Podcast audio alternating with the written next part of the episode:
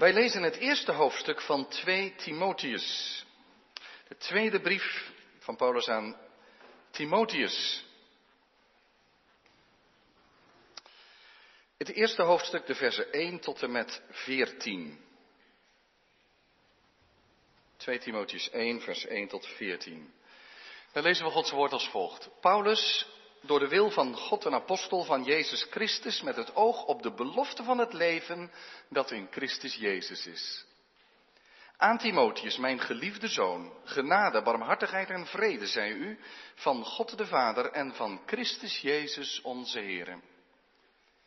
Ik dank God, die ik van mijn voorouders aandien met een rein geweten, terwijl ik zonder ophouden aan u denk in mijn gebeden nacht en dag. Wanneer ik aan uw tranen denk, verlang ik er vurig naar u te zien, om met blijdschap vervuld te worden. Daarbij herinner ik mij het ongeveinsde geloof dat in u is, en dat eerst gewoond heeft in uw grootmoeder Lois en in uw moeder Eunike, en ik ben ervan overtuigd dat het ook in u woont. Daarom herinner ik u eraan de genadegave van God die in u is door de oplegging van mijn handen aan te wakkeren. Want God heeft ons niet gegeven een geest van vreesachtigheid, maar van kracht en liefde en bezonnenheid. Schaam u dan niet voor het getuigenis van onze Here en ook niet voor mij, zijn gevangene, maar leid met mij verdrukking om het evangelie overeenkomstig de kracht van God. Hij heeft ons zalig gemaakt en geroepen met een heilige roeping.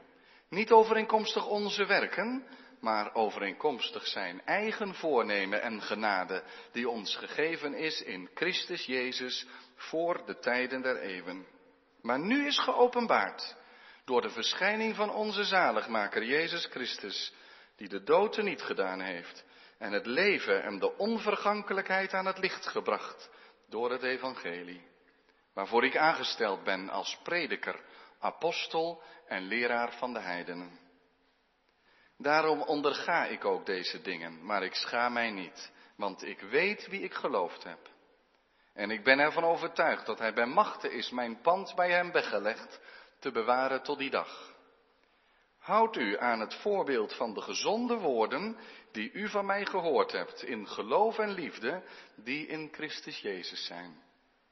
Bewaar door de Heilige Geest die in ons woont het goede pand dat u toevertrouwd is. Tot zover lezen we Gods woord voor deze dienst. Zalig zijn zij die Gods woord horen en geloven en daaruit leven. Amen. De tekst voor de preek is 1, 2 Timotheus 1, zoals we gelezen hebben, het laatste vers. Bewaar door de Heilige Geest die in ons woont het goede pand dat u toevertrouwd is. Gemeente van onze Heer Jezus Christus, jongens en meisjes. Soms krijg je iets heel kostbaars toevertrouwd. Dat kan een geheim zijn. Heeft iemand tegen wel eens tegen je gezegd, kun je geheim bewaren? En dan wordt het wel spannend, want dan kan iemand je iets vertellen waar je echt heel zuinig op moet zijn. Dan kun je niet zomaar de volgende dag zeggen, nou heb je het al gehoord, zal ik jou eens even een geheim vertellen? Dat kan niet, dan bewaar je het niet. Een geheim, ja, die moet je soms bewaren. Kan ook zijn dat je een keer een boodschap moet doen voor je ouders en je krijgt eh, geld mee. En ze zeggen nog extra tegen je, je mag naar de winkel, maar is heel voorzichtig krijg je een pasje mee, hè? Te betalen met bankcontact. Moet voorzichtig mee zijn. En ze willen graag een bonnetje mee terug of zo, een ticketje. Te kijken of alles goed gegaan is, of wisselgeld. Daar moet je altijd heel voorzichtig en zuinig mee zijn. Of je leent iets, je leent gereedschap uit. Je mag het gebruiken, maar je bent er toch heel voorzichtig op. Het is iets waardevols dat jou is toevertrouwd en je zorgt daarvoor dat je niet kwijtraakt, maar ook dat je er goed en zorgvuldig mee omgaat. Paulus schrijft hier aan Timotheus, je hebt iets heel kostbaars toevertrouwd gekregen. Dat heb je in beheer gekregen, daar moet je zuinig op zijn, daar moet je goed mee omgaan. Je hebt het in beheer. Niet om het ergens op een plank weg te leggen of zo, maar om er iets mee te doen, maar wel op een goede manier. En dat noemt Paulus een pand. Geen huis, pand, maar een soort onderpand. Iets waardevols, een schat wat toevertrouwd is. Er staat één woord in het Grieks en dat is dan vertaald met een pand dat je toevertrouwd is. Dus iets waardevols wat jij hebt. De Latijnse vertaling zegt een depositum. Heb iets waardevols in beheer toevertrouwd gekregen. Een goed pand, het is heel kostbaar, heel waardevol, een kostbare schat om te bewaren. Bewaak het, koste wat kost. Ook als mensen het willen afpakken. Schatbewaarders, is het thema van de preek. Bewaar het toevertrouwde pand, zegt Paulus. Wat is dat pand dan precies? Nou, kijk daarvoor maar eens één vers eerder. Daar zegt hij, houd u aan het voorbeeld van de gezonde woorden die u van mij geloofd hebt in geloof en liefde, die in Christus Jezus zijn. Dat is hetzelfde als vers 14. Het zijn twee opdrachten in andere woorden. Bewaar door de Heilige Geest het pand wat u toevertrouwd is. Het pand, dat is het geheel van de gezonde woorden. Het voorbeeld van de gezonde woorden. En dat woord voorbeeld betekent zoveel als het patroon. Daar kun je niet naar eigen believen iets in veranderen. Dat is een patroon waar je mee aan de slag moet. Maar het wil dus nooit zeggen dat de gemeente tot en met in 2021 toen niet ook zelf moet nadenken. En bidden om de leiding van de Heilige Geest. Maar er ligt een patroon. En dat is het voorbeeld van die gezonde woorden. Daarmee kun je verder. Dat is de basis. Je zou kunnen zeggen een kort begrip van het christelijk geloof. Een fundamentele beleidenis. Het zijn gezonde woorden, zuiver, helend. En ze geven geestelijke vitaliteit. Als je eraan gaat morrelen of je gaat ze loslaten, dan betekent dat zeker weten geestelijke ongezondheid. Persoonlijk en in de gemeente als geheel. Geestelijk fit blijven vraagt die betrokkenheid op de kernbeleidenis van het christelijk geloof. Als een onopgeefbaar fundament. Paulus hoor je nergens zeggen, het gaat om persoonlijk geloof, de leer is minder belangrijk. Dat hoor je hem nooit zeggen. Hij heeft het over de gezonde leer, de leer die naar de godzaligheid is. De christelijke leer waardoor je behouden wordt. Anderzijds, het kan ook niet zonder persoonlijk geloof. Je kunt voorvechter van de christelijke leer zijn, maar als je er niet van harte aan verbonden bent, dan gaat het ook niet goed. Je kunt je alleen houden aan die gezonde leer in hartelijke verbondenheid met de Heer Jezus Christus. Het voorbeeld van de gezonde woorden. Nu, hoe klinken die gezonde woorden dan? Vinden we iets hier in deze brief dat ons zegt, kijk, dat zijn die gezonde woorden? Ik denk het wel. En zelfs in dit gedeelte in de versen 9 en 10. Dan krijg je een soort samenvatting. Paulus doet dat vaak, hè? Dat hij zomaar tussendoor even kernachtig weergeeft, waar staan we nu voor? Wat is nu de leer waarin we staan, wat onopgeefbaar is? En dan zegt hij, Vers 8 zegt hij al niet, schaam, zegt hij al, schaam u niet voor het getuigenis van Jezus Christus. Dan zegt hij in vers 9 en 10, hij heeft ons zalig gemaakt, gered. En geroepen met een heilige roeping. Niet overeenkomstig onze werken, maar overeenkomstig zijn eigen voornemen en genade. Die ons gegeven is in Christus Jezus voor de tijden der eeuwen. Dat is Gods grote plan van redding in Jezus Christus. En dat plan was er altijd al, maar is nu geopenbaard door de verschijning van onze zaligmaker Jezus Christus. Die de dood niet gedaan heeft, het leven en de onvergankelijkheid aan het licht gebracht door het evangelie. Dan heb je zomaar in twee versen, vers 9 en 10, dat patroon van de gezonde woorden, een fundamentele beleidenis. Geroepen met een heilige roeping vanuit dat machtige evangelie van Jezus Christus. Zelf wist hij dat maar al te goed. Hij was met andere plannen naar Damascus gegaan, maar is toen stilgezet, tot inkeer gekomen en is toen geroepen met een heilige roeping. Bij Timotheus is dat ook gebeurd, maar wel op een andere manier, want Timotheus ja, die heeft Paulus in zijn stad zien komen met het evangelie. En er was al een gelovige jongen, lezen we. Zijn oma had het en zijn moeder had het en hij zelf gelooft. Maar toch is het toen anders geworden dat het licht van Jezus Christus is gaan stralen, ook in zijn leven.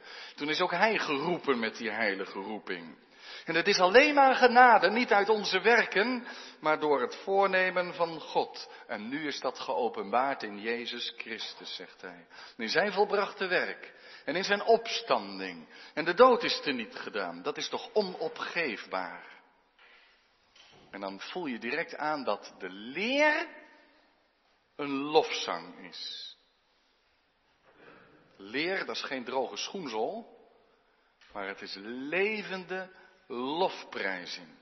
De leer van Jezus Christus is om te bezingen. En daar heb je het evangelie in een notendop. Christus alles, onze redding en Gods genade in Hem. En dat pand, dat volle evangelie wat zich kernachtig laat samenvatten, dat is u toevertrouwd. Hoe is dat gegaan? Ik, ik zei net al bij die heilige roeping hoe dat een beetje was gegaan. Maar bij Timotheus is dat al een kwestie van, van opvoeding geweest. Vers 5, ik herinner mij het ongeveinsde geloof, het oprechte geloof dat in u is. Maar wat eerst in je oma Lois en in Eunike, je moeder, gewoond heeft. En je hebt het meegekregen, het is er met de paplepel ingegaan, dat geloof. Wat kostbaar als je opgevoed wordt bij de gezonde leer. En toch is er iets mee aan de hand. Paulus benadrukt hier dat toen Timotheus de geschriften van het Oude Testament las, dat hij God werkelijk kende. Maar dat later de vervulling erbij gekomen is. De prediking van Jezus Christus. Dat was geen breuk met zijn opvoeding, maar een vervulling van zijn opvoeding. Zo is het je toevertrouwd. En het is Timotheus toevertrouwd op een bijzondere manier. Zo'n brief aan Timotheus is voor ons allemaal. Is bijzonder onderwijs voor de hele gemeente. Maar Timotheus is, uh, voor zover wij kunnen inschatten, toch voorganger in de gemeente van Efeze. Hij moet leiding geven. Hij moet leiding geven aan het instellen van ambten van ouderling en diaken. En als mensen zeggen tegen van zijn preken, dat kan een stukje beter, Timotheus, en uh, moet jij wel leiding geven aan de gemeente, je bent nog jong, dan zegt Paulus, uh, laat je niet uh, de kaas van het brood eten. Is dat trouwens een erg Nederlandse uitdrukking? Nou, je ligt ook kaas op het brood, toch? Je moet je niet laten doen, want je bent door God zelf gegeven aan de gemeente om leiding te geven. Voor Timotheus geldt het op een bijzondere manier. Hij is voorganger. Maar ook al ben je geen voorganger als Timotheus, het evangelie is ook jou toevertrouwd, persoonlijk. En ook gezamenlijk als gemeente. Wanneer is dat eigenlijk gebeurd? Ja, dat begint eigenlijk al heel jong, dat je geboren wordt in een christelijk gezin, als dat met jou het geval is. En dat je gedoopt wordt als een bevestiging dat heel je leven in het teken zal staan van het Heilige Evangelie. Dat er over je leven gebeden zal worden, dat je de Heilige Geest mag ontvangen en daarin op mag groeien. Dat je gaandeweg thuis mag raken in de Bijbel en de Heer Jezus en het Evangelie mag omarmen. Al heel jong worden de liedjes gezongen bij je bedje. En dan krijg je de kinderbijbelverhalen, eerst de platen natuurlijk, maar langzaam de woorden erbij. De christelijke opvoeding. Het kindermoment. De zondagsschool. Misschien de godsdienstlessen op school. En in de kerk uiteindelijk de catechisatie. De prediking van het evangelie. Het is je toevertrouwd. En als je uiteindelijk beleidenis doet, dan zeg je, ik heb het ontvangen ook. Draag het in mijn hart. Het bleef geen prediking, het werd ook geloven. We zijn geen schatzoekers gebleven, we zijn schatbewaarders geworden. Zodanig dat je op een gegeven moment, en dat staat er zo prachtig mooi in vers 12, dat Paulus zegt, weet je waarom ik me niet schaam? Ik weet in wie ik geloofd heb. Hoor je het hem zeggen? En zie je wat hij bedoelt? Ik weet in wie ik geloofd heb. Ik geloof niet lukraak, maar wat in het wilde weg, maar ik ken hem op wie ik mijn vertrouwen stel. Het is je toevertrouwd. Het heilig evangelie van Jezus Christus. En als je hoort bij deze gemeente, draag je het mee. Naar de toekomst van de gemeente. Naar de kinderen van de gemeente. Naar de jongeren van de gemeente. Je bent mee verantwoordelijk. Hoe bewaar jij het goede pand? Het woord van God is onze krachtige schat, zei Luther eens. De schat van de kerk is niet de overtollige goede werken van heiligen, maar de kracht, de schat van de kerk is de belofte van het evangelie. Het is je toevertrouwd. Hoe ga je ermee om? Hoe leef je eruit? Heb je de waarde ervan ingezien? Zoals eens die man in die gelijkenis van Jezus die op een schat stuit en alles verkoopt om die ene schat te vinden en te houden. Je hebt het in beheer gekregen. Het is kostbaar bezit. Wat doe je ermee? Hoe leef je eruit? Uit de rijkdom ervan. Maar hoe bewaar je het? Nu, dan de volgende stap, dat bewaren, hoe gaat dat dan? In de Bijbel ken je verschillende woorden voor bewaren, zoals Maria bewaarde al die woorden in haar hart. Prachtig. Koesteren, in je hart sluiten. Maar dit woord heeft vooral het woord, de notie bewaken in zich. Bewaak het, zoals een vogel het nest bewaakt, beschermt tegen indringers. Het kostbare pand is kwetsbaar bezit. Moet bewaakt worden. Dat gaat niet vanzelf, dat kost inspanning. En je gaat er dan ook van uit, en dat, dat zou Paulus zeker ja op zeggen, dat er aanvallen op gepleegd worden. Het gaat niet vanzelf hè, dat een volgende generatie in de gezonde leer verder gaat. En een volgende generatie en een volgende generatie. En kijk maar mee in dit hoofdstuk, er is lijden, vers 8. Paulus is de gevangene van Jezus Christus en leidt verdrukking om het evangelie. En voordat je het weet zou je kunnen opgeven en zeggen, nou als het zoveel moeite kost, mij niet gezien. En dan geef je het op en bewaak je, bewaar je het pand niet. Er is ook bedreiging van binnenuit. Mensen die er zich hardgrondig van keren. Kijk in vers 15. Dit weet u dat alle die in Azië zijn zich van mij afgekeerd hebben. Dat waren wel eerst zijn vrienden. Ze waren eerst met hem, maar uiteindelijk hebben ze gezegd, die Paulus, moet je niks mee hebben. Tot hen behoren Phygellus en Hermogenes. Dat is toch niet echt een hele eervolle vermelding in de Bijbel, het woord van God. Er is ook van binnenuit, kan er weerstand zijn. Je moet niet naïef zijn. Je kunt moedeloos worden, opgeven, jezelf in bescherming nemen. Maar de apostel zegt nee, bescherm het met je leven. Dit goede pand. Die verantwoordelijkheid kun je echt niet aan anderen overlaten. Het is gezamenlijk, maar ook voor jezelf is het van groot belang. Een taak van de hele gemeente. Maar wat is dat dan? Hoe bewaar je dan? En ik denk dat in dat bewaren drie aspecten zitten. En die hangen wel samen, maar ik ga ze toch even uit elkaar halen om er wat meer voeling mee te krijgen. Drie aspecten. Eén is, het bewaren van dat pand betekent dat je de inhoud van het evangelie waarborgt. Dat heeft toch geen waarborging nodig? Nee, dat het blijft. Dat je bij de inhoud van het evangelie blijft. Niets meer, niets minder. Zoals Paulus dat deed. Als hij zegt, al zou er een engel komen die een ander evangelie verkondigt, die zijn vervloekt. Je hebt zo'n kostbare schat, dan moet je bewaken en bewaren. Niets erbij, niets eraf, zoals de Bijbel eindigt. Je mag aan het woord van God niets toevoegen en er niets aan afdoen. Samen hoop je de kerk heeft, heeft, daar een bijzondere positie en vanzelf. Maar het is een gezamenlijke verantwoordelijkheid om als gemeente op koers te blijven. En koers blijven betekent leven bij dat heilige woord van God.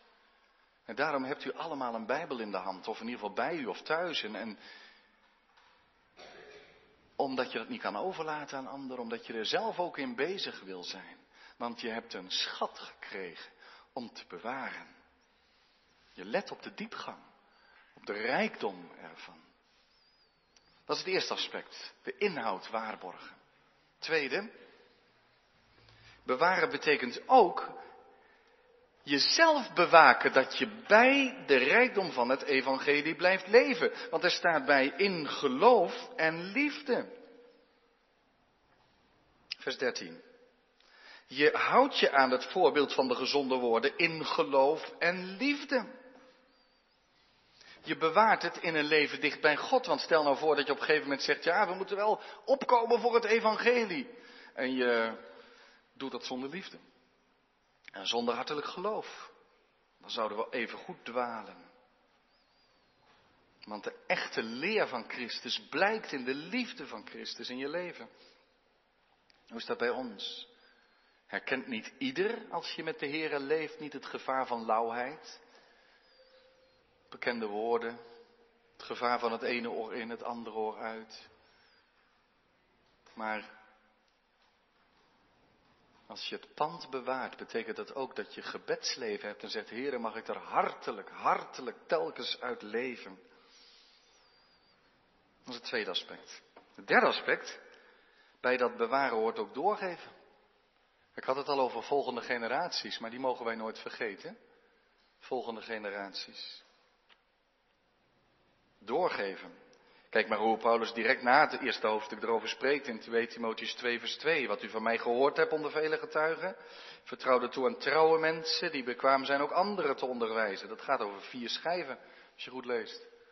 Wat Paulus al bezig is, je hebt het gekregen, ik heb het zelf gekregen, geef het door en jij geeft het door aan mensen die het weer kunnen doorgeven. Dus je draagt de verantwoordelijkheid dat het evangelie doorgaat, ook verder. Want later zit uh, misschien Levi wel in de kerkenraad. Ja, dat kan hè. Daar mag je best eens over nadenken. Of Samuel. Daar mag je over nadenken. Ja, hij schrikt maar niet hoor. Het is nog lang zover niet. En het is natuurlijk een beetje gek om laten denken over dat zij ook weer kinderen kunnen krijgen. Maar deze dienst staat daar niet los van, hè? Hoe dat allemaal maar verder en verder en verder gaat. En dat je het ook doorgeeft en zegt, het gaat er niet om dat ik, uh, het gaat er niet om dat ik gered ben door het geloof in Jezus Christus en that, that's it. En dan maakt de kerk verder niet zoveel uit. Dat zou toch verkapt egoïsme zijn. En het heeft niks met het evangelie te maken. Maar er is ook de gemeente van Jezus Christus die weer gezamenlijk dat kostbare geschenk doorgeeft en doorgeeft en doorgeeft. En die drie dingen, dat je waakt over wat is nou de inhoud van de prediking, wat is nou de inhoud van het evangelie waar je bij leeft. En dat je er hartelijk uit leeft en dat je erover nadenkt hoe het verder en verder gaat. Dat hangt allemaal samen. Het allemaal zijden, die horen bij die kostbare schat. De hoge roeping om het te bewaren. Maar in die hoge verantwoordelijkheid wijst Paulus op de hulp van de Heilige Geest. Want hij zegt, door de Heilige Geest die in u woont. Dat is een bemoediging. Ook een aansporing natuurlijk, maar ook een bemoediging. Door de Heilige Geest. Je hoeft het niet allemaal in eigen kracht te doen. Je mag opzien naar God. Je mag denken aan de genade van de Heer Jezus. En je mag bidden, geef mij van uw Heilige Geest die in alle waarheid leidt. En die geest is niet ver weg. Paulus zegt hier, bedenk Timotheus, als je gelooft, u bent een discipel van de Heer Jezus, je gelooft in de Heer Jezus, dan woont de Heilige Geest in ons. Hij zegt niet eens in jou, in mij, hij zegt in ons. Want ook dan sta je niet alleen, maar sta je in de gemeenschap van de kerk. Dat is echt van deze tijd dat je alleen zou kunnen geloven. Je staat in de gemeenschap van de tijd van de, in de gemeenschap van de kerk. Je staat in de gemeenschap van het lichaam van Christus. Je staat niet alleen. De geest woont in ons. De geest die is uitgestort met Pinksteren. Dat is de geest die overtuigt. En als je wel eens bang bent dat je zegt, maar hoe moet het dan verder? Mijn kinderen, mijn kleinkinderen. Gaat het nog wel door? Bij alle kerkverlatingen enzovoorts. De geest de geest die toen mensenharten opende en overtuigde, is de geest die wij mogen aanroepen om in kinderen en kleinkinderen te werken. En als de geest tot Christus brengt, dan gaat hij niet weg. Maar hij komt inwonen. Hij gaat zijn reinigende werk in ons beginnen. De geest die doet roepen, Abba, Vader. De geest die in ons bidt met onuitsprekelijke verzuchtingen. De geest die ons leidt in de vrucht van de geest, in ons leven. Die geest die in alle waarheid zal leiden, de waarheid van Jezus Christus. Bewaar, bewaar, zegt de apostel. Dat is een opdracht. Daar doet Paulus niet gemakkelijk over. Maar hij zegt wel, door de Heilige Geest, in zoveel afhankelijkheid. Dat gaat helemaal samen. Bij Paulus doet het een geen afbreuk aan het ander. Het is niets van ons bij vers 9. Het is niet door onze inspanning, maar door Gods genade. En tegelijk zit het gedeelte vol met aansporingen. Vers 6, de genadegave moet je aanwakkeren. Vers 14, bewaar het pand door de Heilige Geest. Hoofdstuk 2, vers 7. Denk goed na over wat ik zeg, is je verantwoordelijkheid. Maar laat de Heer u inzicht geven in alle dingen. Die beide kanten. Timotheus, geef niet op. Alle hens aan dek. Maar in totale afhankelijkheid. Want de Heere verlaat niet wat zijn hand begon. En tegelijk hoort daar het gebed bij, zoals Psalm 138 afsluit. Heere, wil uw werk voor mij voleindigen. Verlaat niet wat uw hand begon. Bewaren begint bij een gebedsleven. Hoe is het met uw gebed? Met jouw gebed? Als je je gebed nalaat, de hartelijke omgang met de Heer, dan doe je de Heer tekort. Hè? Dat doen we altijd, realiseer ik me als ik dat zeg. Maar je doet ook jezelf tekort en je geloofsleven doe ik tekort, maar je doet ook de gemeente tekort. Gezamenlijke verantwoordelijkheid om het werk van de Heer door te dragen. Heere, bewaar mij. Daar begint het mee. En van daaruit leren mij de toevertrouwde schat bewaren. Het kostbaar evangelie van onze Heer Jezus. Ben je als schatbewaarder? Of uh, ben je nog schatzoeker? Of ben je een schat in deze wereld aan het zoeken? Dat kan ook, hè? dat je nog helemaal bezig bent met mag ik een schat in deze wereld zoeken. Maar de wereld gaat voorbij en al haar begeerlijkheid. En alleen wie de wil van God doet, die blijft in eeuwigheid. Er is een schat die niet ophoudt. Dus Jezus in mijn hart wordt schatzoeker, maar dan ook schatbewaarder. Amen.